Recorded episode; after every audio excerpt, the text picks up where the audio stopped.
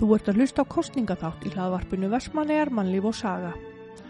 Mér langaði að forvittnast aðeins um stjórnmálinn í eigum vegna tilvonandi kostningar núna 14. mæ næstkomandi og ákvæði því að ræða við fólkið sem skipar fyrstu þrjú sætin á frambóðslistunum þremur sem er að bjóða sig fram í bæjarstjórnarkostningum árið 2022 í Vestmannegjum.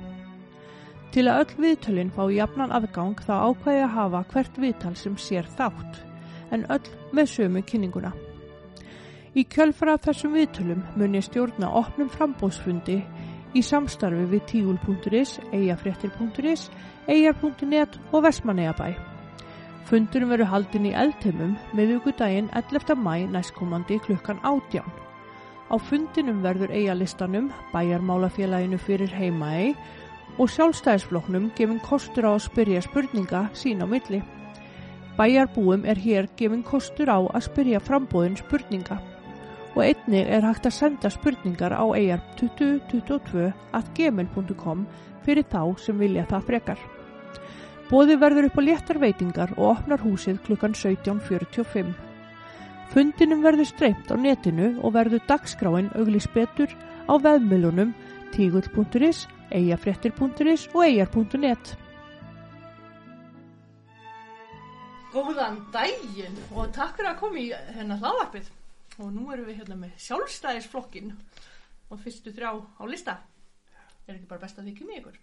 Hver er nummer eitt? Ég heit Eithor Harðarsson Já, og hvað viltu fá nána kynningu? bara hver ertu og Já, ég, ég er hérna vestmannengur í húða ár og, og, og á eigingunu Laufi Gretastóttir og tvö börn Dýr og Greta Þór. Og ég starfa í Ísfjölæginu í útgerastjóri síðustu 20 árin. Eða frá 95 starfa hjá Ísfjölæginu frá því ég kom úr námi. Rámastaknifræði og þannig að ég er bara búin að eiga heim í Vestmanni um alla mína tíð nema bara rétt námsárin. Já, þannig að þetta er svona í grófum dráttum ég, einmitt. Það er bara geggja eða ekki? Jú. Og nummer tvö Það er ég, Hildur Solveig Sigurðardóttir og ég er fætt og uppalinn á Akranesi þannig að ég er AKP kem hingað 11 ára cirka með mömmu þegar hún er að leysa hérna af eitt sumar sem ljósmóður og, og ílengist svo og svona líka þannig að við erum bara ennþá hér en það hvergi betra að vera. Og ég er gift Sindra Ólafsinni rítstjóra á eigafréttum og saman eigum við þrjú börn Aron, Sörurós og Drífu. Og ég starfa sem sjúkraþjálfari, sjálfstæðstarfandi sjúkraþjálfari. Og reyk mitt eigi fyrirtæki og hef verið uh, í rauninni í þeim geira bara síðan 2007 þegar ég útskrifaðist. Og hef verið bæjar fulltrúi síðan árið 2015 og já, það er svona kannski ég í hnótskurð Já Og nummer þrjú.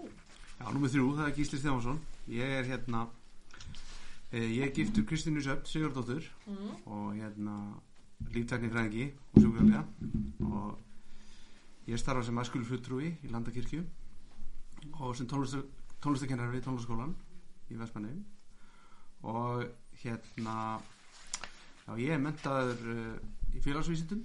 Ég, það vist má ekki að það eru félagsvísindi þá má það ekki heita félagsvísinda fræðingur ekki ennþá? En það stendur bóta, bæti eitthvað aðeins við það. Já. Hvað Og- segir maður þá þegar maður er mentaður í félagsvísindum bara? Ég er mentaður í félagsvísindum Já, eða? maður bara segir það. Og svo, svo segir mamma sko bara, og hvað er það? það er bara svo leys en hérna, já, þetta er svona svona grunnur minn, já. Já Bara takk fyrir að koma í spjall Og Takk fyrir að bjóða okkur. Ég er alveg græn á baka eirun í, í þessum pólitíkamálum Þannig ég fylgist voru lítið með jú, maður fylgist alveg með svona kannski á Facebook og eitthvað Já. En hérna, hvað ætla flokkurinn að gera? Hvað er á stemskrunni? Ég, ef ég byrja þá, þá er þá bara úr því að segja hvað er á stefnusgráni þá er bara í þessu tölu orðum að fara í gegnum prentvilar stefnusgrá Já sem við erum búin að vera undirbúa núna í 2-3 vikur mikil vinna og yfirlega um, um, um hvernig ná að hva, hvað við viljum setja fram og hvað við viljum segja að við ætlum að, að, að gera næstu fjögur árin og, og reynd að gera þetta aldrei raunhæft þannig að þetta sé nú ekki verið að lofa upp ykkur um óraunhæfum svona lovorðum og það er það, þetta ætlum að byrja í hús núna 3.4. mæ þannig að í hvert einasta hús þannig að allir bæjarbúar vita þá fyrir hvað við stöndum og geta skoða það í, í rólegheitunum í, í texta og, og með myndum og, og svona notalögu bæklingur. En, en það er eiginlega sko það er erfitt að segja hva, hvað, hvað við þú veist, ekki vil ég fara að lesa upp stefnusgrána fyrir því hérna en, en svona ef það er eitthvað sérstatt sem að sem við viljum sko hva, hvað við eigum að tala um og það er langt spjall framundan þannig að, þannig að það er kannski að ég nummer 1, 2 og 3 þá, þá er þá er markmið okkar að vinna meiri hluta með, með góður í málefnaskrá og, og stærsta málið af okkar mati inn í, inn, í, inn, í, inn í það starf er bara ábyrg fjármálastjórn sem að gefur okkur í rauninni mikið sveigrum til bara áframaldandi verka sko þegar að ef við, ef við náum tökum á góðri og, og svona ábyrgri fjármálastjórn sem að okkur finnst aðeins að gefið eftir þessi fjögur ár sem við hefum verið í minniluta Mm. þetta er svona stærsti punkturinn en, en, en svo erum við bara með tíu málaflokka sem við dítilum alveg sko, hvað, hvað, hvernig við þannig að fólk, fólk fær alveg nákvæmlega að kynnast í sem að eh, sem að okkar hugur stendur fyrir hérna hjá okkur sem erum í, í frambóðinu og það er bara, ef við, við getum sagt bara það er þó, bara mikið sóknastarf fyrir, fyrir ungt fólk, fá fólk heim, skapa því aðstöðu. Það er eitt af stórum málunum hjá Já. okkur. Það, það finnst okkur vanta og, og það gerum við með því að bæða skipulegja byggð og, og, og, og, og tækifæri með, með, með hérna, fjárvinnslu og, og aðalega vantar bara húsnæði sem að við viljum skipulegja og fjöl, sem sagt, auka frambóð með, með, með skipulagi í, í, í, í löngulá og sem að verður sé, svona daldið þróað og hannað fyrir með, með svona með ungt fólk, barnafjölskyldur í huga. Já, sem að til að, til að skapa þetta svigrúm að geta flutt heim og haft húsnæði, nægt húsnæði. Ég ætlaði að mynda að spyrja ykkur hérna um löngulá í, í framhaldinu eftir.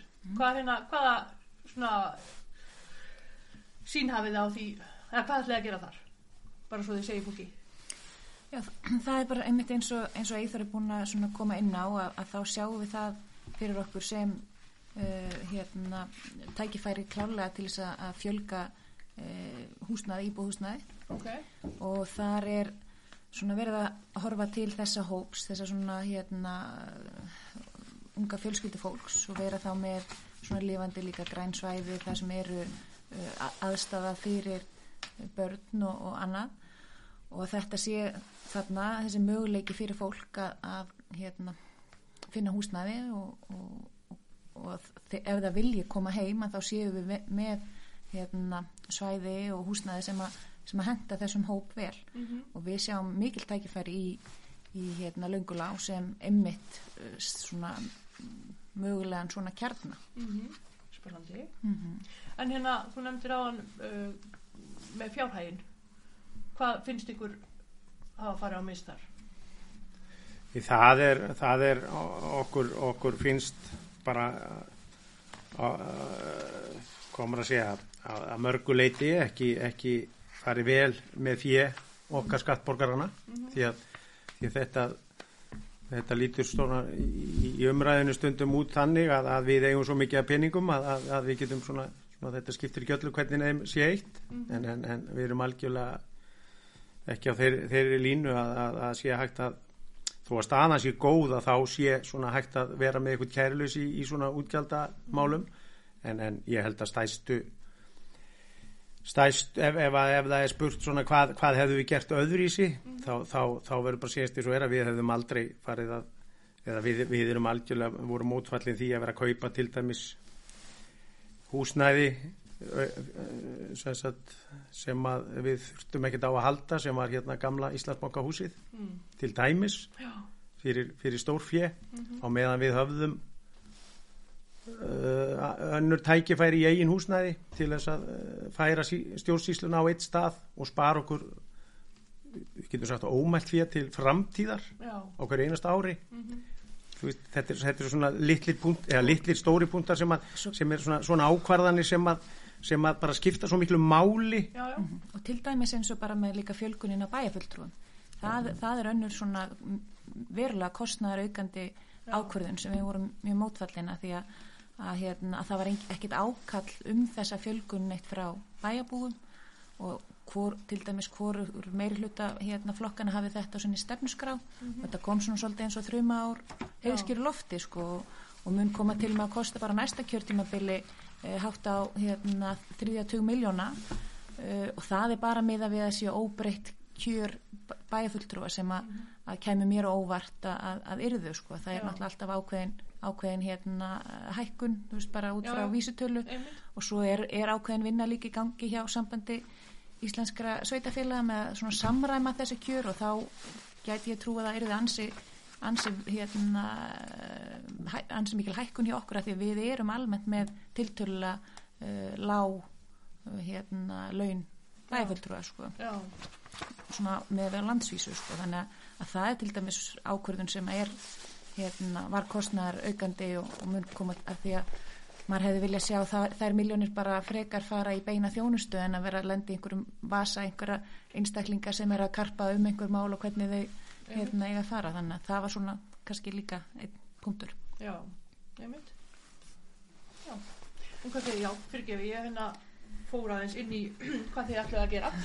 mm, já, Er hérna eitthvað meira sem er á dagskrá svona? svo kannski ef ég má koma inn á bara það sem að náttúrulega okkur hérna uh, við setjum mikla áherslu inn í stefnuskráni og ég held að bæjabúar bara svona almennt finni svolítið á eigin skinni að, að hefur farið uh, svona aftur á bak. Er til dæmis þessi þjónustakakvart uh, sem að hérna er á ábyrð ríkisins og þessi öfluga hagsmuna gæsla sem að þarf alltaf stöðut að vera í og það eru náttúrulega bara þætti til dæmis eins og flugið sem að er hérna hefur farið verulega vestnandi og bara í rauninni flugsamgöngur hafa, hafa bara í rauninni aldrei verið jafn slæmar eins og, eins og núna og, og ég held að, hérna, þetta er þáttur sem við viljum klálega breyta. Um, nú náttúrulega fór líka uh, fór rekstur hraunbúða yfir að HSU og við sjáum mikil sóknatækifæri í því að og ég til dæmis komandi úr heilbreyðistjónustinni að, að það hefur náttúrulega líka farið versnandi, veist, við höfum uh, hérna náttúrulega bæði skurstofunni hefur verið lokað fæðingaþjónustunni hefur náttúrulega farið ve- verulega aftur að því við erum ekki með svæfingalækni eða, eða skurlækni Eh, það hefur sjúkrarýmum verið lokað. Á sjúkradeildinni er, hefur stundum verið þessi hérna sumarlokun.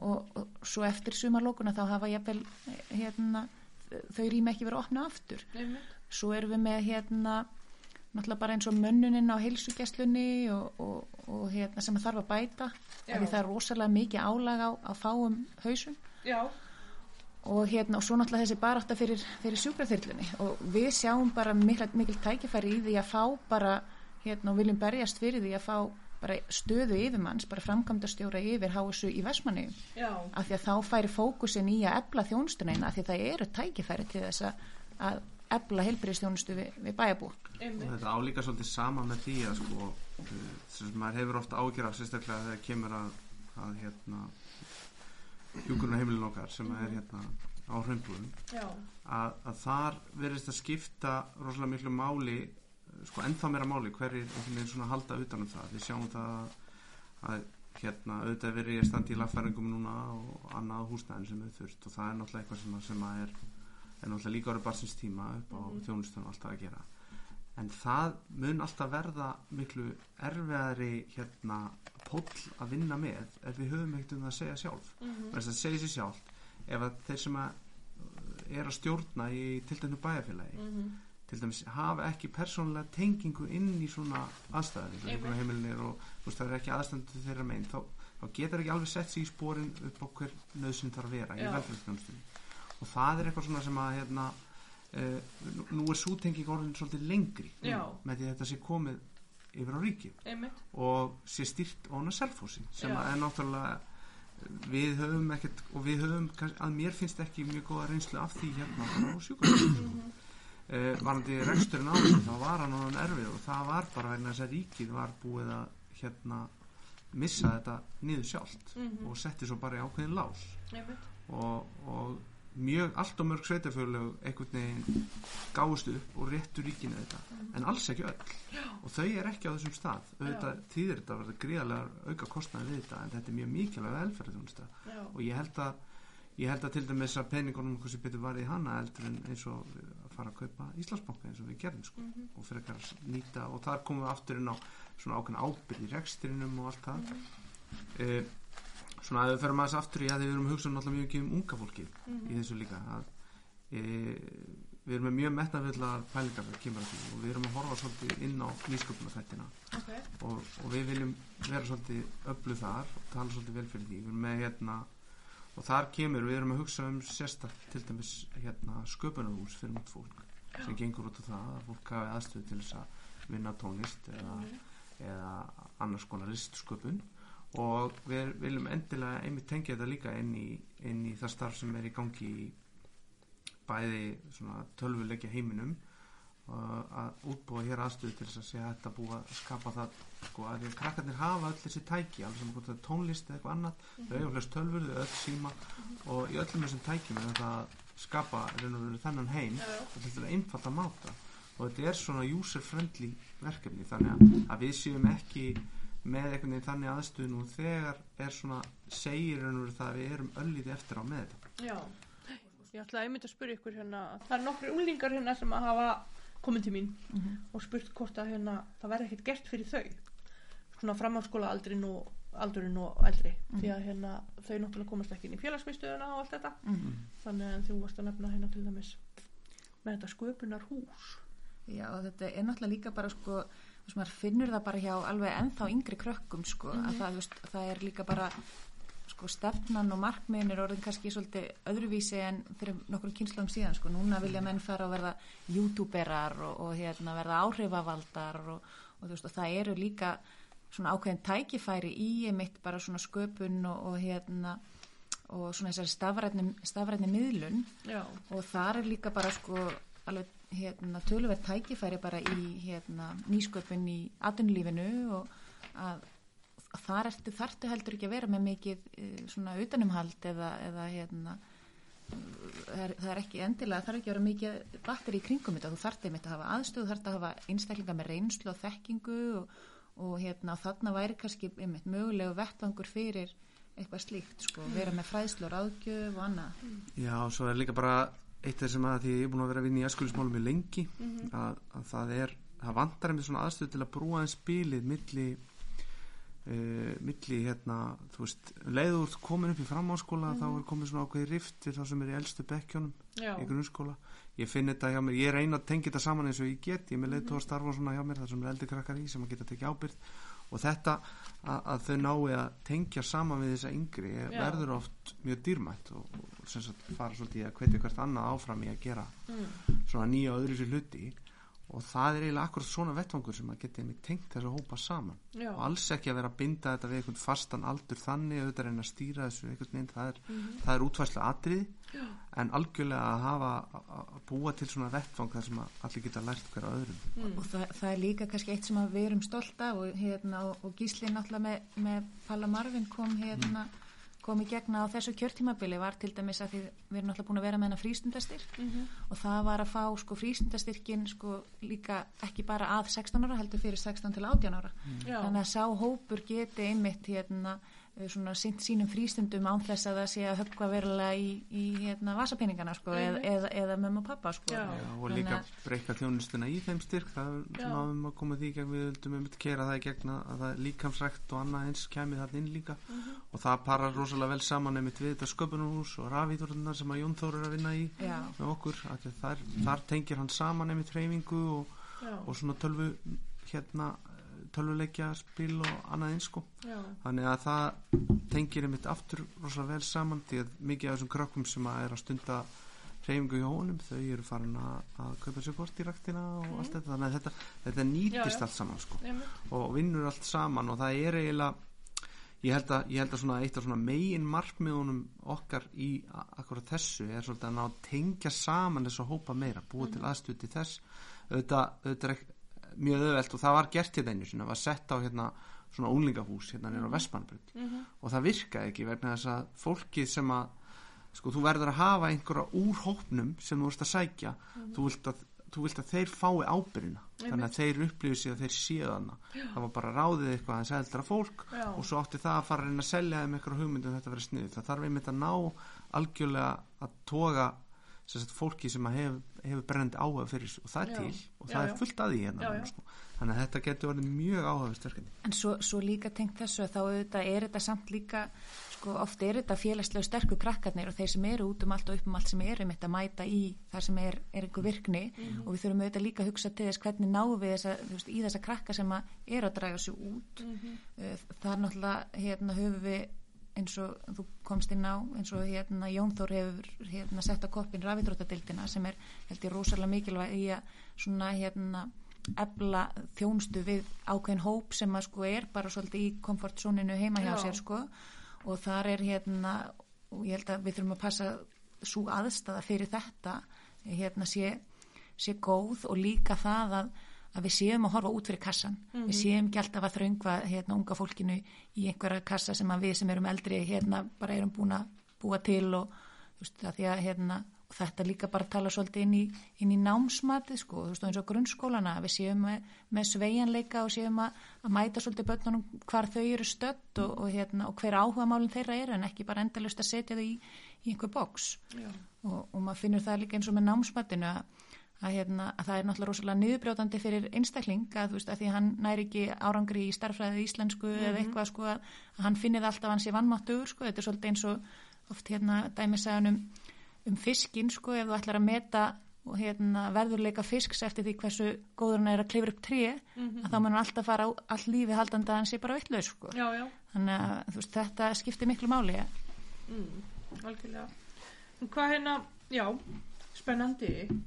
En, en hérna, já, þið eru búin að svara spurningunum minni. En, en er áhuga að gera svona menningarhús fyrir krakkana? Og veist það sem þau geta verið í myndlist og einhverju svoleiðis? Já, þetta er náttúrulega er samtengt, samtengt við því? það, já. Já. Og svo höfum við líka okkar stefnusgrá að, að útbúa nýjan listasal, þar sem að vera hægt að vera koma fyrir sér sett hérna þar sem að er svona sýningaraðstæða Já, sko, svona almennt séð sko Mm. og það er náttúrulega bara búið að vera mikill uppgangur. Við erum með okkar myndlistafélag hérna í Vestmannum sem Einmitt. er mjög öflutt og, bæjarlistamennum og bæjarlistamennina klálega Já. og þá um leið kannski er þetta kannski kvartning til að, að því að það er náttúrulega svona kannski hlutvarslega meira eldra fólki þar Já, og með svona sköpunarhúsi og þeim, þeim hugmyndu sem við erum að vinna með þar þá næðu við sennilega eða vonandi að tengja inn í það félag líka aðeins yngra fólk. Mhm, og svona og, og, og hjálpa því þá að vaks og dafna þannig það er allan að mín von í já, frábært. En núna allt öru. Segjum að þið vinni kostingarnar. Hver er bæjastöruefnið? Það er góð spurning. Ég? Við? Já, já. Hví ekki þú? Ég segi það. En þarna, máli er að við ákveðum að, að hérna hafa, svona byggja okkar, komar að segja, kostningabaratuna á öflugum átjámanna hóp sem er að bjóða sér fram til að stýra bænum næsta kjörtímabil. Ok, Við þurfum um 20 manns ef við náum meira hluta til að sitja í ráðum og nefndum á vegum bæris já, og við viljum að þetta snúist um þennan hóp sem við erum að bjóða fram til að stýra bæjarfélaginu en ekki eitt bæjarstjórnefni Mhm. Og, og, og af því erum við stolt. Og ef svo skemmtilega vildi til að færi svo að við næðum meira hluta þá förum við í það bara strax að eh, finna okkur bæjarstjóra efni eða bæjarstjóra sem við ráðum bara eins fljótt og hægt er. Mm, og við lofum því að það verður góðu bæjarstjóri já, sem, sem að bæjar búið að vera ánæði með við getum ekki orðað öðru í sig í rauninni. Við munum ekkert fara þegar við teljum að, að, að auðvitað er langa mörgum að vita hver er þið bæjarstjóri ef við myndum vinna þetta en það er bara ekki ljóst. Það er ekki einu sinni ekki einu sinni þannig að við séum að halda í leindu við bara ætlum að vinna úr því verkefni þegar það er að kemur. Og við höfum svo sem sé á, á, á yfirlýsingu frá bá, báðum hinnum frambóðanum að, að, að Njál er bæjastjórefni á E-listanum og, og, og, og Íris hjá H-listanum. Og eh, ykkur er, ykkurum langar til að fá bæjastjórefni frá okkur til þess að geta að fara að stilla upp þessum kostum sem, sem ykkur er kostningamáli en við teljum bara, berum saman átjámanna frambóðslistana til að stýra bænum. Það teljum við vænlegra til, til, til þess að fólk geti metið hverjum það tristir til að stýra bænum. Já, það gerir ekki eitt bæjastjóri Já, Það er gott að hún nefnir þetta sko að því að hérna eins og eitthvað nefnir þá er þetta átjamanna hópur sem er svona þú veist, er að ná alveg gríðarlega vel saman. Og við svona alveg þú veist, maður finnur það alveg að þegar maður hittir hennar hóp og við erum að ræða þessi mál og, og, og hérna og svona, já, farið við málin að, að þú veist, þetta er bara gríðarlega upplugur hópur sem að hérna ætlar sér bara að standa saman sama hvað gerist. Og ég held að það sé svona kannski ég held að það sé svona eiginlega það flottasta í þessari stefnusgrá okkar sko það, að svona það er hérna þetta hefur reyndar engjent okkar hóp allt kjörtíðanbili sem er að ljúka núna með mjög öflugan hóp sem er búin að vinna vel saman og búin að þau hérna Hildur og, og, og Trösti og þau sem hafa verið að leiða þetta þetta kjörtíðanbili hafa bara haldið gríðarlega vel utan um þetta og við höfum svona verið hýst mjög reglulega og farið við málinn saman og einmitt ákvaðan það strax á þeim tíma eftir síðustu kostningar að, að dreifa verkefnum svolítið á okkur, bæjarfulltrúar sitja ekki ráðum og nefndum, þeir eru heldur er það annað fólk og, og það er einmitt þetta fólk sem að verð er þarna í sætunum fyrir náðan okkur sem að við bara hérna erum rosalega spennt fyrir að sjá einmitt í þeim verkefnum já, með okkur sko. þannig að það er eiginlega bara hérna það er svona eitt af því flottasta sem mér finnst vera í þessu það er þessi hópur okkar sko. já, Nákvæmlega, við, við erum ekki að leggja allt okkar tröst á einhver einn einstakling, heldur erum við bara að dreifa hérna ábyrðinni og, valdinni og röddinni og Já. að rödd margra heyrist en, en sé ekki bara ein sem er yfirgnæfandi. og við erum svolítið, hérna, svolítið gaman að því það oft verða svona umræður sem að það sem er alveg ljóst að við erum hérna ekkit öll sammála. Mhm.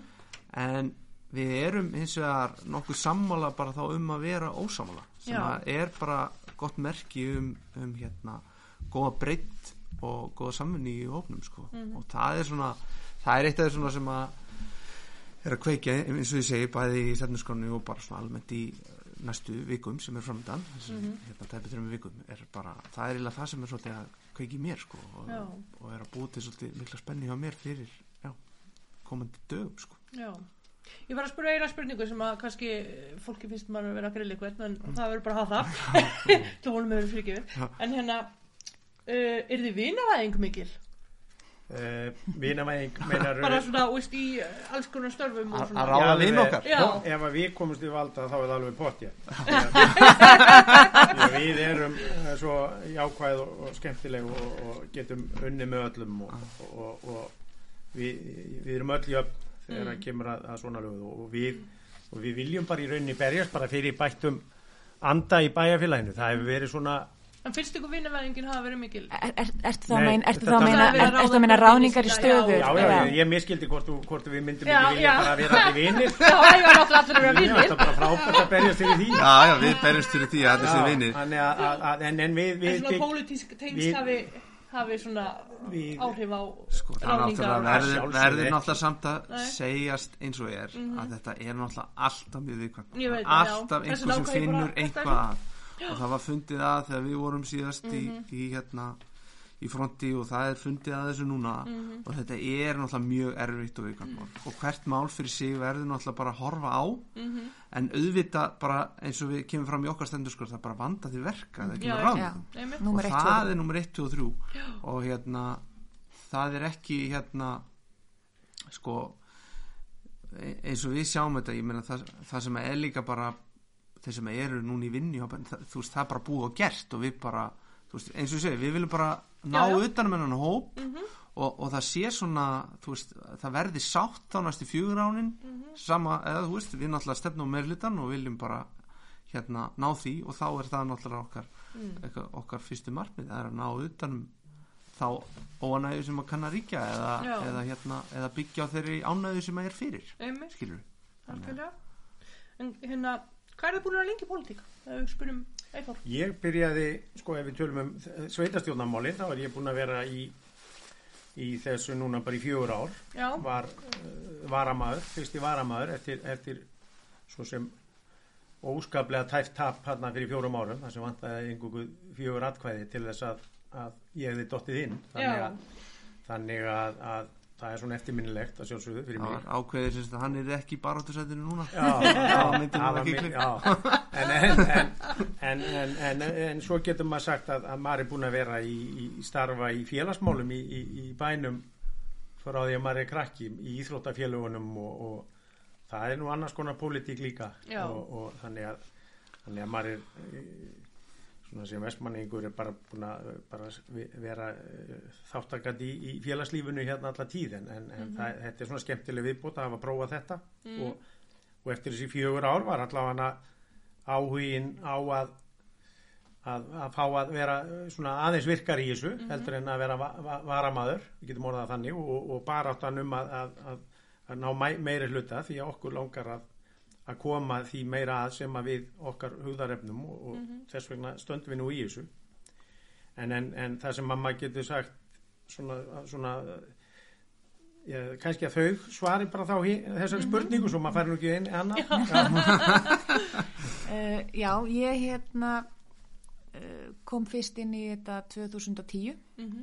og hérna þannig að það eru að verða 12 ár. Og þá satt ég í sjötta sæti að með minnir og var hérna, var svona svolítið hent út í djúbulegina eftir, eftir þá hérna niðurstöð þeirra kostninga þar sem var náttúrulega hérna þar sem ég var, var og tók að mér að vera formaði fræðslu og menningarás sem hétt á þeim tíma. Og það er náttúrulega risastór málaflokkur en það fara langstærstu hérna, fjármunir, stærsti hluti fjármunir sveitafélagsins í rekstur á, á grunn og leikskólum og, og hérna og það var svona ákveðin eldskýrn en, en bara þannig þá komst maður mjög hratt inn í, inn í málinn og, og svo 2014 að þá held ég áfram og er bara held, sitt fast í, í mínu sæti, bara er áfram í, í sjötta sætinu og þá náttúrulega um, vannst mjög stór kostningasigur og fengum fimmenninn þannig að þá var ég eins og eins og Eithor er búin að vera þessu kjörtjömbili fyrst í varamæður þannig að maður datt svona inn á einn og einn, einn, og einn fund og, og svo náttúrulega bara þarna fljótlega uh, bara á, hérna þegar líður á þetta uh, kjörtjömbili þá hættir Pálei að því hún verður lauruglustjóri þannig að já, svona eh, bara 1. janúar 2015 þá tek ég við hérna, eða bara strax eftir áramót þá tek ég við sem bæjarfulltrúi og verð þá fórseti bæjarstjórnar út það kjörtímabil. Og hérna og já þannig að þá er maður náttúrulega bara búin að vera uh, svona svolítið virkur í alls konar verkefnum og búin að fá mikla reynslu bæði að vinna, vinna við hliðina og hérna fyrir hundi bæjarstjóra allega vegni sinni og, og svona sjá ákveðin stór mál fara í gegn og til dæmis eins og kannski eftirminnilegast er yfirtakan á, á Herjólfi og, og hérna og mörg svona uppbygg, uppbyggingarmál hérna í eigum eins og fisk, uppbyggingina fiskiðunni og annað þegar maður hefur verið óbúslega gaman að vera virkur þáttakandi í og það eru þó svo að mörgum finnist svona þessi stjórn, þetta stjórnmálabröld vera sko hvort þetta sé ekki hræðilega erfitt og leiðilegt og bara eitthvað karp en, en það er samt ofbóðslega hérna góð tilfinning í því þegar þú er búin að leggja þitt að mörgum og, og vinna hartað einhverju og sjá það svo bera árangur og, og ávöxt og að, að einhver hérna njóti þess sko. og það er alveg klálega eins og maður til dæmis finnur með með hérna Herjólf og, og ég held að það sé mikið lánægja með það, það skrefa við tókum hann yfir og hérna já, þannig að þetta er bara skemmtilegt fyrir utan það hvað þetta er bara mikið af fólki sem maður kynist sko. Mm. þannig að fyrir þá sem hafa gaman af fólki að þá ætti þeir væntanlega að hafa gaman af stjórnmálum sko. Mm. Það ég segi það saman og hildur sko það er svona eitt af því magnast að vita þetta, þetta nefnilega ég er náttúrulega búin að vera mjög mikið í félagsstarfi ég sérst kem inn uh, á þessu kjörtíðanbili sem er að líða. Satt á lista sérst fyrir sístu kostningar hafði reynda að setja í stjórn Eyverja eitthvað tíman í, í fyndinni. Já, bara sem úlingur og, og hérna, það var líka mjög skemmtilegt. Og en hérna já, ég, ég er náttúrulega ég er búin að sitja í hérna, fjölskyld og tónlistaráði þetta kjörsteinbil og það er eins og, eins og bara, bara verið mjög hérna, góð samstæði í því ráði og, og þó það er oft fyrir átök þá er hérna bara gengið vel þar og, og við okkur svona tekist að, að, landa mörgu góðu sem við hefum fengið að taka þátt í sem er bara verið ánlegt og við erum bara ánægð með það og þakkláttu fyrir það. Uh, hérna en var þetta með þetta að þú veist hvaða er sem að tóða mann í þetta sko það er náttúrulega klálega það að maður, eins og ég var að nefna á hann bara þessi hópur sem er í þessu og svo einmitt þegar maður bara kynst fullt af fólki og það er svo sterk sko tenging í flokknum. Mér, mér finnst þetta ekkert mjög nú hef ég starfað lengi í KFM og það er svona ekta klassísk svona, svona félagsamtöð sem byggja mjög mikið á, á, á hérna að einstaklingurinn stiði í hópin og öfugt. Og, og sjálfstæðarflokkurinn er bara alveg eins hann bara þessu leitinu til maður finnur fyrir því ef að ef að vel gengur þá fær maður sendt skilabóð og, og hérna og maður kvartur áfram. Það er eins og í öðrum félagsamtöku sem maður hefur starfað í sko. Þannig að það er oft svona út af hvernig fjölmiðlar ræða um þessa og þetta, þetta sama við alla þessa flokka sko veist þetta er, er, er reyfinga fólks fyrst og fremst og án fólksins er engin flokkur og, og þú veist en hérna og hérna flokkurinn getur ekki lifað án fólksins og allt það og það er eiginlega það sem að býr til svolítið svona þessa stemmingu og hérna og ástæðan fyrir maður er í svona er tilbúin að gefa sig í þetta og, og hérna, mætir á fundi og er hress og allt þetta og Já. svo er Eithó bara bara eins og Jóngnar hann er bara staðgrínast eitthvað? Eða miskil já, En var erfitt að fá fólk til að bjóða sig fram? heldur betur ekki. Við, við, við, við ákveðum að fara í prókjör og, og, og við vorum hrætt um að, að við fengjum ekki fólk til að bjóða fram í Ég- prókjör það er svona, það er svona þetta er í rauninni erfiðari leið oft á tíðum til þess að mynda lista. Og, og, og, og aðri flokkar hafa svo sem reynd þetta en, en ekki tekist en það sem gerist hjá okkur var að við náðum 15 manns Já. sem komu sjálf vilju inn til þess að taka þátt í prókjöru og fórnuðu tíma sínum í það. Já. og, og allir sem voru í, í prókjörunu bara já, nema, já, já, það er allir á, á listanum nema einn. Og, og, og, og hérna og það var auðvelt að fylla upp í það sem vantaði upp í átján þannig að, að við erum við erum bara heimin lifandi með áhugan á þessum, þessum bæði prókjörinu áhuga bæjabúa það skildi koma um bara ná, nákvæmlega 927 einstaklingar í áskar til að kjósi okkar prókjöri sem er næstu ég þriðja bara kostningabærum fólki í eigum er náttúrulega bara frábært fyrir okkur. Það segir okkur að við vorum að gera rétt. Við, það var eftirspunni eftir þessu og fólk fekk að velja á listan og, og við metum það þannig að, að þar höfum við forskot Já. í dag að, að, að við séum með lista sem að fólk valdi á versus hinn hin tvö frambúðin sem eru í rauninni bara stilt upp lista sem að sem að er þá, já, ekki í þessum manda eins og, eins og við kerðum á þannig að, að þetta er svona svar við spurningunni Mm. En hérna, er eitthvað sérstakt málefni sem að þú brennur fyrir persónulega?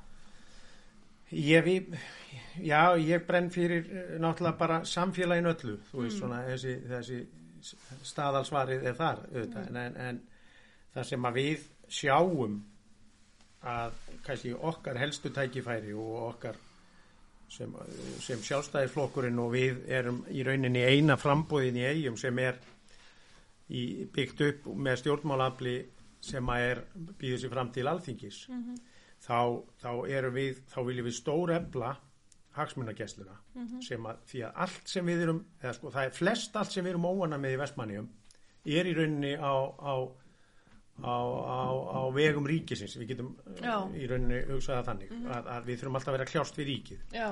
og við ætlum í mikið átak í því að berjast fyrir þessum málum og þá erum við að tala um opinbyrju störfin til eiga.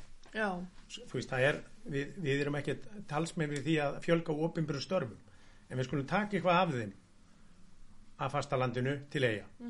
Með bættri háraðan nettengingu og, og, og, og, öllu því, þessari nútíma tækni, þá skiptir engum máli hvar þessar stofnanir eru staðsettar, þessar rafræna þjónustur. Og, og við höfum, við erum að tala um rafmagnið, mm rafmagslagnir hérna milli lands og eiga og, og auðvitað baróttuna við, við, við, við, við það að, að tryggja rafmagsöryggi, mm vasslög, þetta er allt saman sem við gerum ekki sjálf, þetta er allt með, með, með, með kontakt við ríkið og ráð þeirra. Ja, klára jargangar rannsóknir, við erum þar. Það, ok, við klárum það bara sjálf, held ég bara á endanum ef að, ef að, ef að ríkið ætlar aldrei að koma að því. En, Já. En, en, en hvort við gerum það á þessu tímabilið ekki sjálf, ætla ég nú ekki að lofa. En samkvæmdu við jargöngin, Já, fyrst að, að ég ætla að spyrja út af það Já. líka, að hérna, það er eitthvað sem þið viljið.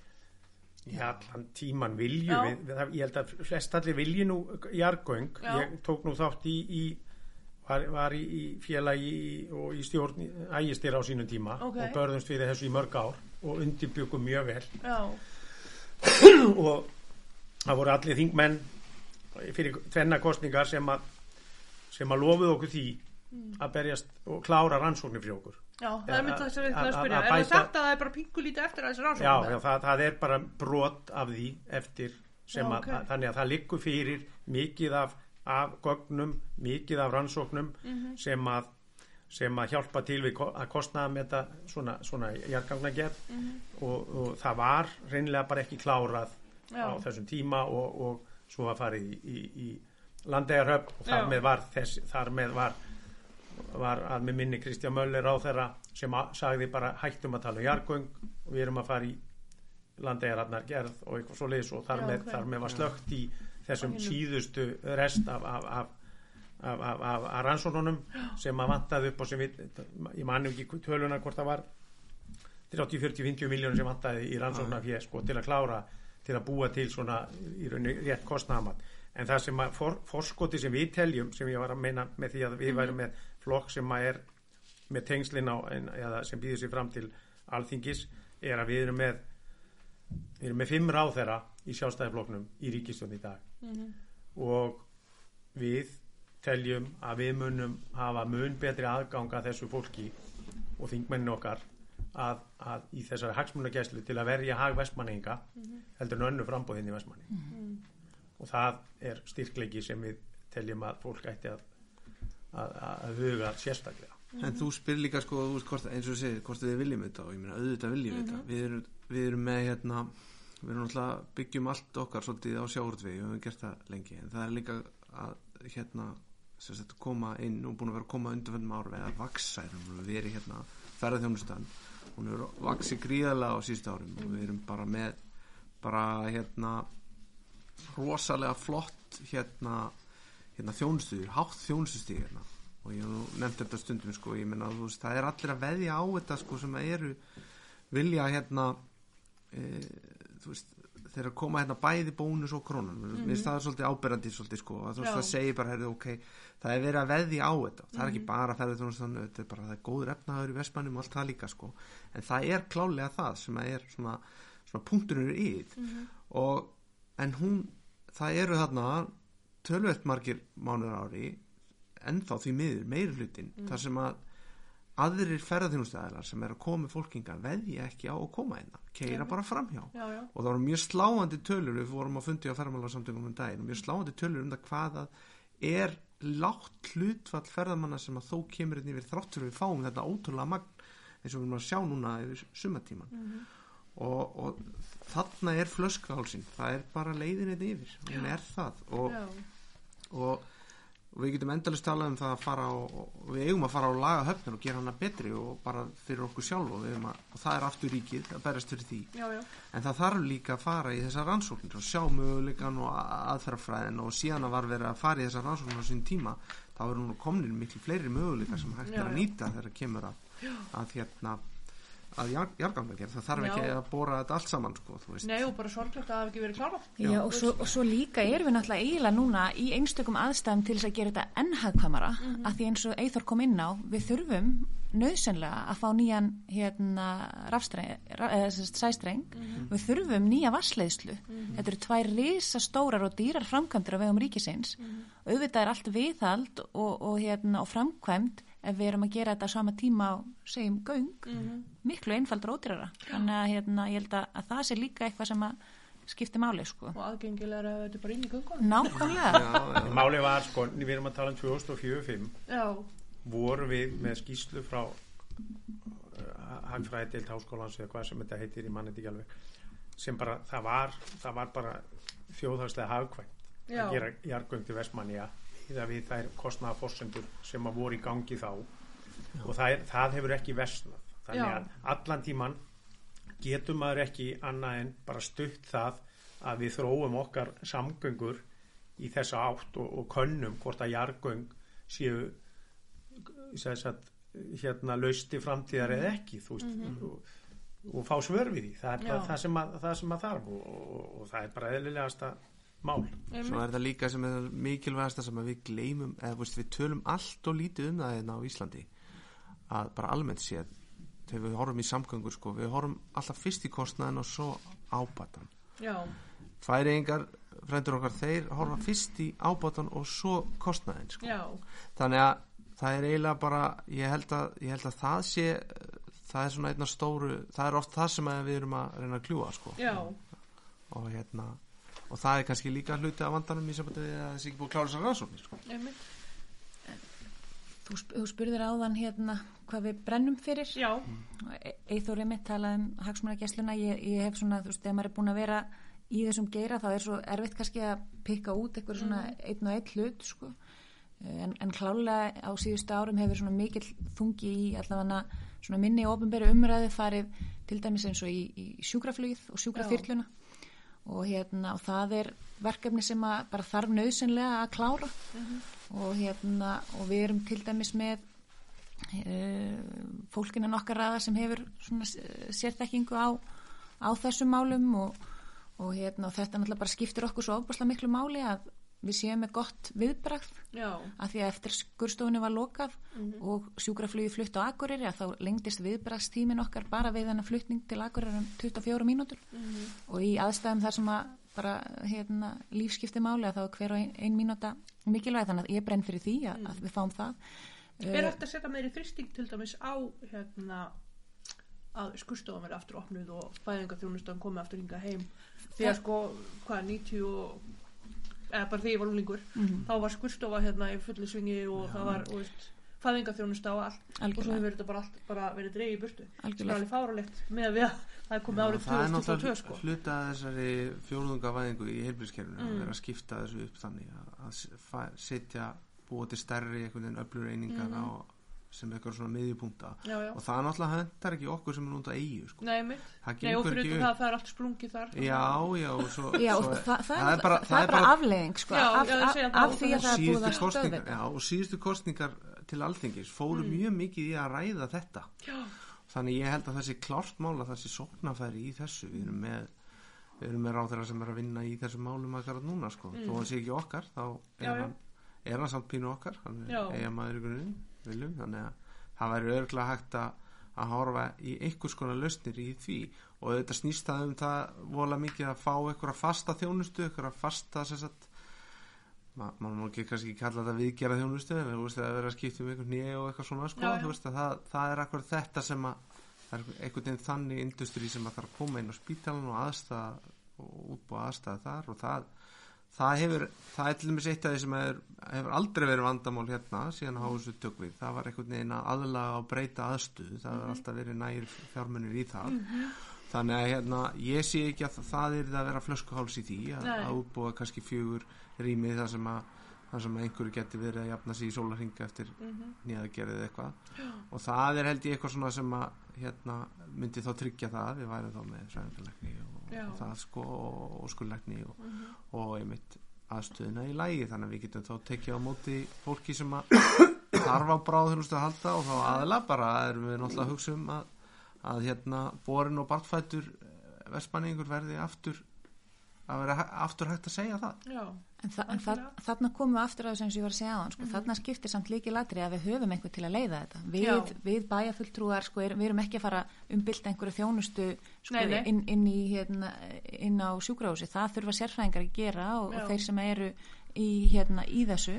Og þess vegna væri nöðsynlegt fyrir okkur að fá okkur til þess að leiða, leiða stopnunina til þess að sækja til sín, til sín verkefni og hérna í mitt, þú veist, bæta læknamununina til dæmis, það er eitthvað sem er búið að vera mikil vandamála inn á, inn á heilsugjæslunni að það er mikið álag að fá um einstaklingum og hérna og, og, og þetta það náttúrulega alltaf að gera. Svo er það líka bara annað, annað mál sem að ég hef allavega persónulega rætt við, við hérna heilbriðsraður að, að það þarf líka að skoða mentunina, þú veist, við erum náttúrulega bara og staðan í dag er orðin þannig að fólk er orðið svo ofbáslega sérheft að þessir læknar sem að hafa verið hérna, þú veist, í almenni skurlæknar er ekki lengur til, sko. Nei. Þannig, en, og þess vegna þurfum við og við höfum svo góðan aðganga því að breyta bara mentakjörun okkar, Já. smíða okkur stakk eftir vextir, og sko. það er líka kannski það þetta hefur gert því að við, við miðum okkur náttúrulega oft við Norrlönd og svo miðum okkur við Nýja Sjálfland og það er til dæmis er það bara að þú starfar sér læknir einhver staðar sem sagt í einhver staðar svona út á landi Já, já. og þá, þá er gerð krafa um þá sérhæfingu að þú sért fjölbreyttur. Já, að þú kann ha- allt. að- já, þú get, já, svolítið svona eða þú veist allavega að þú getur sint fæðingaþjónustu, þú getur sint svona ákveðni bráðaþjónustu og hérna en hérna að þetta heimilislegninu sjálfur fái meiri þjálfun í því sérstaklega þegar hann fer svona út á land. Og það er, það er bara það er ekki bara hagsmunamál, það er bara svona velferðarmál Já. algjörlega. Og svo má ekki gleyma því sko að það, það hafa aldrei í sögu Íslands búið fleiri á landsbyðunum heldur en akkurat núna. Já, og það er nefnilega það sem er sko því að okkur fer alltaf fjölgandi og mikið af þessu fólki sem er að koma út af landsbyndar er, er að ellendubergi brotið, við erum með stór, stóran hóp hérna í Vestmannum í dag sem að, sem að hérna eru eh, hérna koma ellendis frá. Og, og þá er náttúrulega verður oft þessi bráðþjónusta en þá mikilvægari sko þegar þú þarfst að vera að sinna hópi það sem er hugsanlega einhverjir tungumálaröfleikar og svona að það tala allir sama máli svolítið í þessu þú veist, þegar kemur að veikindum einmitt. þannig að ég held að hérna, ég held að það sé mjög mikið hagsmunamál bara fyrir Já. okkur öll sem erum að borga, borga skatta útsvar sko. Já. En hvað bara en þú sérstaklega fyrir? Er þú með eitthvað svona? Já, ég er náttúrulega, ég hef búin að tala um svolítið í prókjörunu er var með svona framhástendulega hugmyndir að kemur orkumálum. En almennt sé brenni bara fyrir að við fáum betri þjónustu að kemur að orkumálum. Ok. og, og það er aftur sóknarfæri við höfum, höfum tengingur á þeirra sem er mitt hérna orkumálar á þeirra Mm. og það er eh, það er hagsmálmál eins og Eithor hefur að tala um sko, að, veist það er þetta þessi þörfa að við erum hérna með hérna 2 af 5 stærstu hérna sjárútisfyrirtækjum á landinu og þau eru bæði með vinslur hérna og svo eru fleiri með vinslur hérna og þetta er náttúrulega mjög orkufregur yðnaður og, og ef eitthvað kemur upp á þá, þá bitnar það þá er aðstæðan þannig í dag hún bitnar í raun og veru ekki bara á þeim heldur þá líka okkur hinnum sko. og ég brenn fyrir þessu en svo brenn ég náttúrulega líka fyrir því sem ég hef verið að starfa við mjög lengi sem er ung fólk. Mhm. og svo aftur að ég er einn af þessum sem að ákvaða sama hvað þá ætlaði ég að uh, mér langaði til dæmis að fara í ákveði nám. Mm. ég, mér langaði að fara á sín tíma í Guðfræði. Já, en ég var búin að þá búa í Reykjavík í smá tíma og mér hafði ekki góða reynslaði þannig að ég valdi að fara aðra leiðir í námi. Ég ákvaði að fara í fjarnám. Brenn mjög mikið fyrir því að fólk kveiki á því og ríki svona almennt. Kveiki ég mitt aftur á því að, að, að hvað það er nöðsynlegt fyrir okkur að, að hérna ná að halda þá ungu fólki jafnvel bara heima áfram. Já, að þurfi ekki alltaf að sækja annað. Og þar komum við inn á akkur þessar hluti sem að snúa að, að, að fjarnámi. Og, og ég hef sjálfur reynslu af fjarnámi og, og það er bara ég get ekki hægt að tala fallega um það að fara í háskólan Akureyri. Já, eh, og sama tíma finnst mér alveg ömulegt að hugsa til þess að mjög mikið að mjög áhugaveru námskeiðum sem að maður getur sótt sér hérna eh, sem að er í bóði í Háskóla Íslands en það er engin leið að, að sækja það öðru sinna að flytja já. eða, að eða fara einhverja svona halva leið að já. einhvers konar og þú veist og það garantera að þú farið ekki samótuð í og, og, og Já. aðrir Ég Þe, ætlaði- og við erum hérna á þessari teknuveld og búin að upplefa þetta í COVID að þetta er nöðsynlegt og mögulegt að- að Ég held að við opnum En þetta er í að- já. yfir Já, þetta er, og þetta er þetta er uh, einhvern tímann sagði ég við, við kollega minna að þetta væri íhalsemi og hann sagði nei, þetta er, þetta er leti Já, og ég held að það sé eiginlega bara satt það voru í rauninni einmitt bara að spyrja, von- geta Já. sveitastundir ítt á að fá meira nám til Alveg til klárlega. dæmis innám og ýmislegt. klálega og, Já. og við erum í góðri aðstöð til þess Já. að, það er í stefnuskrónu okkar að, að, að, í, í, í, í í samvinnu við eins og til dæmis framhalskólan í Vestmannum að, Já. að, að búa til ykkur, ykkur átarsverkefni í því að, að, að ná að efla yðnámið og taka það jafnvel við þurfum að taka þetta svona eflust í ykkur áfengum ykkur nokkur ár. Einbyttum okkur að Já. yðnámi Já. næstu árin þar á eftir ykkur öðru. Við þurfum í rauninni að sapna svona daldið í, í, í hópa. Já, þetta er ekki hægt að vera með allt í gangi í einu. Við skerum okkur grein fyrir því.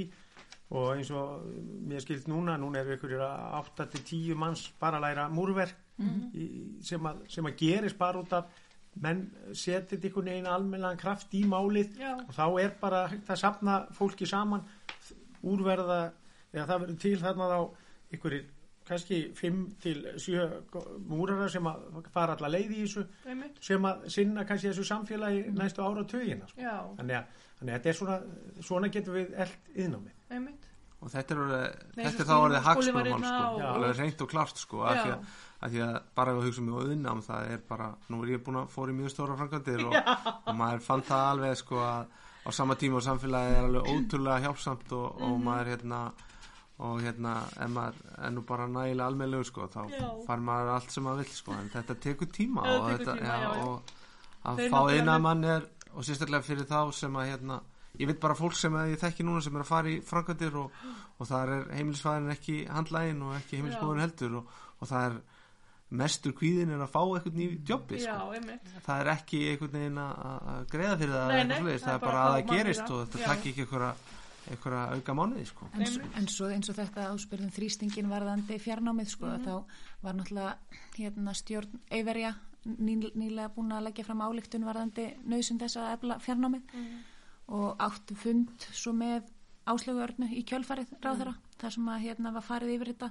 Og það var líka að koma áhugaveru punktur þar líka fram að það er þó svo sko klárlega eins og, eins og Gísli talar um að það er hellingur í, í sem að sérstaklega HÍ þarf að bæta sig með. Þú veist það var, það var hægt að gera þetta þegar höfuborgarsvæði þurfti að því halda. Já. við þurfum á þessu að halda núna. En, hérna, en það er líka bara þessi sínileiki sko, þú veist að, að, að sé einhver staðar vettvangur þar sem þú sérð hvaða leiðir eru mér færar í fjarnámi Einmitt. og þá er það líka bara fyrir þá sem eru þegar kannski komnir á vinnumarkaðan og vilja bæta við sig Já. að ef þeir sjá býtu herri, ég, þú veist, þetta stendur mér til bóða við erum hérna með glæsilega hérna, aðstöðu eins og viska símentunum stöðu með um, og, hérna, og það hjálpa bara til við að bæta mentunastíð í samfélaginu og þekkinguna sem við komum með inn í samfélagi Já. jafnvel hjá hérna, þeim sem er, eru hérna í dag og eru komnir út á vinnumarkaðin sko. Og það fylgir því líka ef, að- ef að það er sko þannig er aftur ríkið með flöskuhálsin Mhm.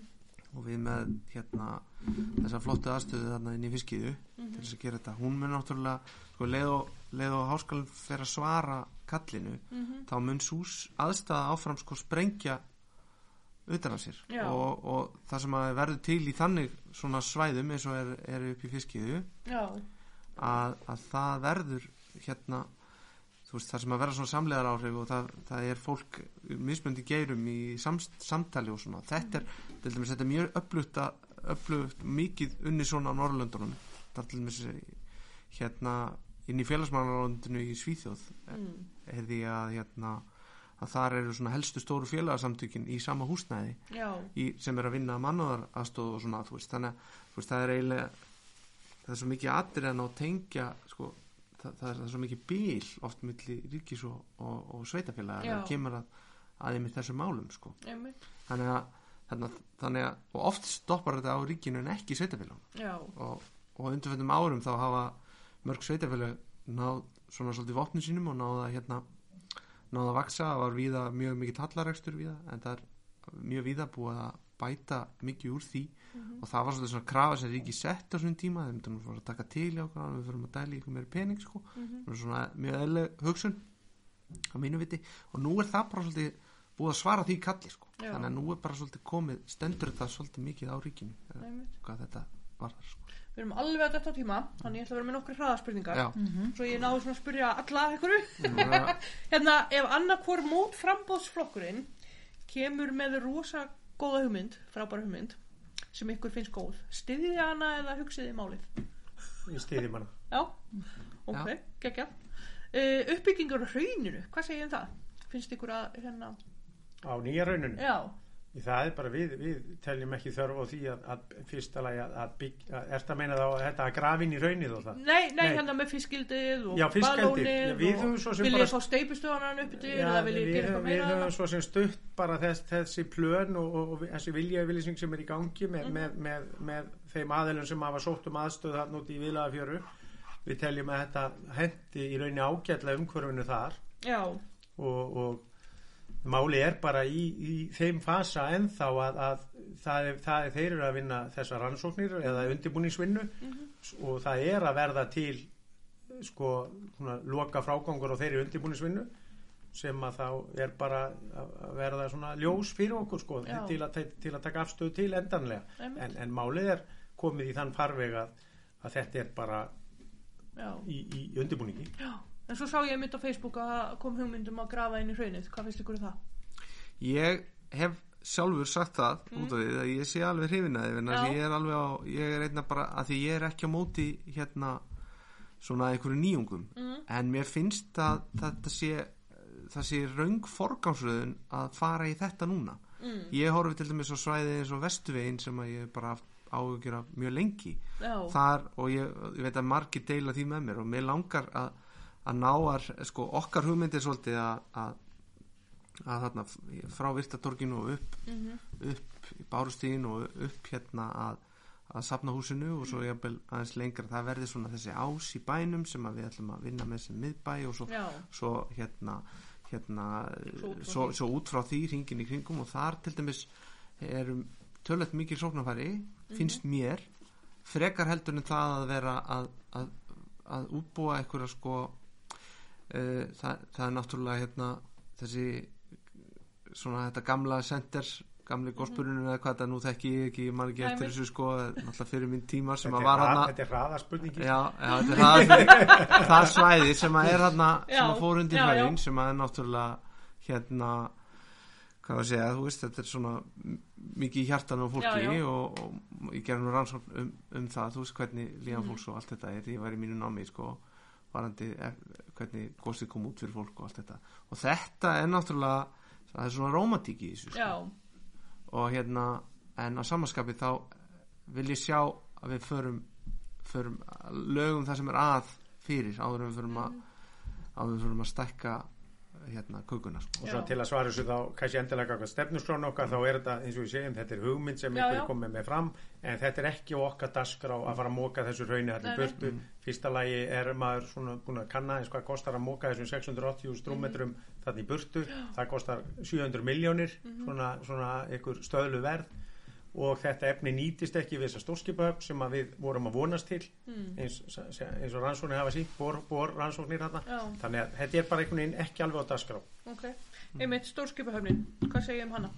það er, það, er, það er bara við ætlum bara að vinna að því, því máli áfram og það er bara, það er bara í rannsóknarferli því að þetta er, menn er ekki konum með algjörlega svörin hvað sé best að gera Ok. og hvernig, en við, við vinnum að þeim málum og vinnum vonandi hraðar en gert hefur verið síðustu fjögur árum Já, en tjálsfæðið eru þið með einhverju lausn á því? hvaða tjálsvæði? bara þóksamilinu og, herrústal það eru margir sem segja að þetta sé sprungið. Bara á sumilinu af því að Núna var náttúrulega að taka við nýr rekstraræðili við, Mhm. við tjálsvæðinu um, það náttúrulega er búið að vera að bæta hérna, aðstöð eins og gagvart uh, stærri bílum. Það náttúrulega er sérstaklega í COVID að þá jógst náttúrulega eign Mhm. bara fólks á þessum svona stóru húsbílum og annað og, og það hefur verið allan svolítið sem ég hef heyrt að vanti og ég miskilst að það sé bara allt í, í svona verið að vinna úr og bæta það. Um, ég allavega hef ekki heyrt eh, allavega sem bæjarfulltrúi hérna kvartanir til mínum að það sé ekki náist ekki að anna þörfinni en, en hérna en auðvitað þarf bara að skoða það ef að svo er að hérna og finna þá það er náttúrulega svona þungi punktar sko, sem eru svona þessar stóru helgar auðvitað. Já, já. það er kannski svona stóri vandamáli og, og, og það þarf að finna það er svona það þarf að finna eitthvað góða lausn á því sko. Þetta er partur af bara þessari innvið uppbyggingu Já. sem við erum alltaf að tala um samfara aukinni ferðarþjónustu því að við erum búin að funda með ferðarþjónustu aðilum frábær, frábær starf sem er unni þar undanfærin Mikil- ár í og mikil samstaða. Mikil samstæða og þannig að við erum við erum bara all inn í því að, að ég hef sagt bæði sem gagvart göngustígum og öllu þessu og, og sjálfsvæðum það þýðir ekki að bjóða fólki vera sem sagt að selja fólki það að koma til eiga og ætla ekki að vera með innviðina í lagi til að taka Já, móti. Þannig að, þannig að þetta verður bara að haldast í hendur. Já, algjörlega. Hérna, en í sambandi við e, leikskólana, eru langir bygglistar? Sko ég held allavega nú á ég sjálf hérna litla áttamána stúlku sko sem að ég eh, hérna, verður tólmána í byrjun ágúst. Já, þannig að hérna það eru þetta búið að vera núna svo þróun að árgangarnir fyrir ofan hafa verið það fámennir að það hafa verið bara orðið auðvelt að taka inn yngri og yngri börn og náttúrulega með þeirri þróun að fæðingarorlofið var hérna lengt upp í tól mánuði að þá var það náttúrulega átt að vera svona ákveðið samkomulega millir ríkis og sveitafélag um, að- um að reyna þá að stefna að að taka börnin inn tól mánuða mm. Dagmaður að þjónustan hér í dag er náttúrulega ekki til staðar af því að við höfum verið að geta tekið þessa, hérna, þessi börnin og auðvitað er það náttúrulega mun fagleira, fagleira starf sem á sér staðin á leikskólanum og þá ertu auðvitað líka með fleira aðila þannig ef eitthvað kemur upp á og það er meira, meira öryggi og, og annars líkt en hérna en við teljum bara gríla mikilvægt að við getum haldið þetta sest, þessari þjónustu að taka inn tólmánaða börnin. Og s- í rauninni sem fyrst og það sko, er, er mögulegt því við viljum náttúrulega bara gefa færi eh, fóreldrum frelsi á að koma aftur á vinnumarkaðin þegar það, það kemst og það er náttúrulega bara okkar hlutverk að reyna að tryggja það. En við viljum taka upp aftur það sem að kerfi sem að var hérna í rauninni þegar dag, dagmærakerfi var á sem eru heimagreislunar já, og það er kannski fyrst og fremst til þess að í rauninni bara veita fólki þannig sveigjanleika að viljið að uh, hafna leikskólaplásinu að býða með það að koma börnin inn á, á leikskóla strax hvort sem það, það hérna sjálf tekur það inn eða, eða segjum amma eða afi er í aðstöðu að við séum að búa til umhverfi þannig að börnin geti verið þessum nánu og góðu fjölskyldu samskiptum og hérna og, og þá senka því að koma inn á, inn á leikskóla.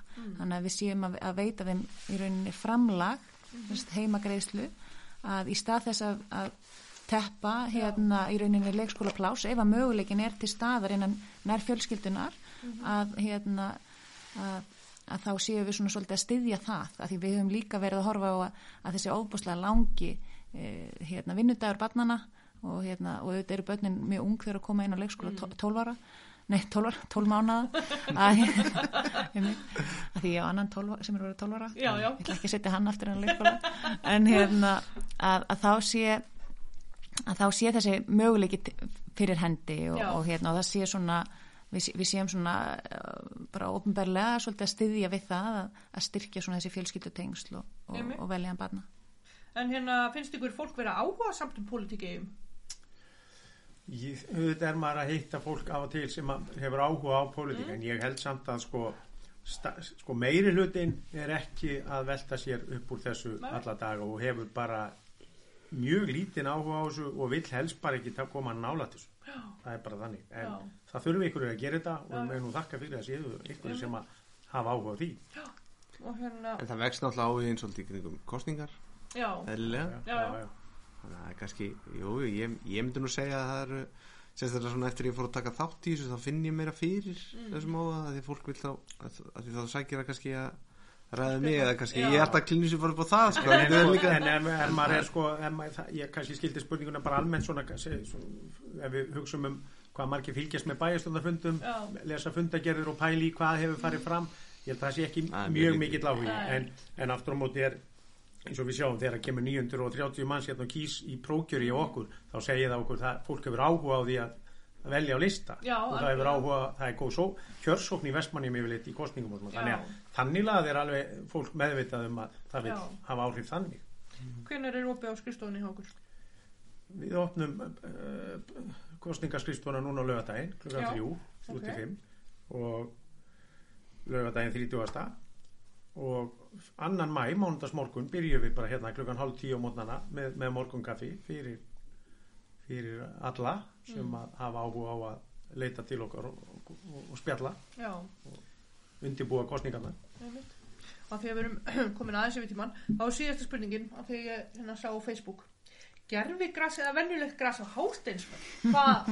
finnst ykkur um ég, það? ég held að sko, það, er, það er bara umræða sem að sko við, við erum bara með okkar stefnum um alltaf verið eh, og, og vestmannir eru bara íþrótabær og við höfum alltaf stutt við afreiks íþrótastarfið bæði eh, sagt, og, og, og það, þar höfum við átt náttúrulega mikla velgengni bæði í næspilnu og, og handbólta síðustu áratugina.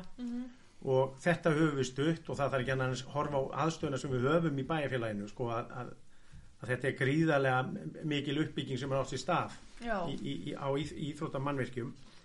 Fyrir fjórum árum vorum við með uh, á stefnuskrá okkar að, að setja gerfigrasvöll á einn af völlum bæjarfélagsins. Og hugsuðum það þá bara í nánustar samstarfi við IBVF að sjálfsögðu. Hvar, hvar menn teldu það uh, be, best niður sett. Og á þessum árum þá hefur nú þróunin verið þannig að fleiri og fleiri liðir að setja þetta á sína aðaleikvanga þvert á það sem að maður hefði haldið svona fyrir nokkur árum en framfarinar eru það miklar. Og núna í vetur þá var samþygt innan IBVF eh, á félagsfundum eða félagsfundi eða hvernig, eftir einhvern undirbúning. Ég var ekki á þeim fundum.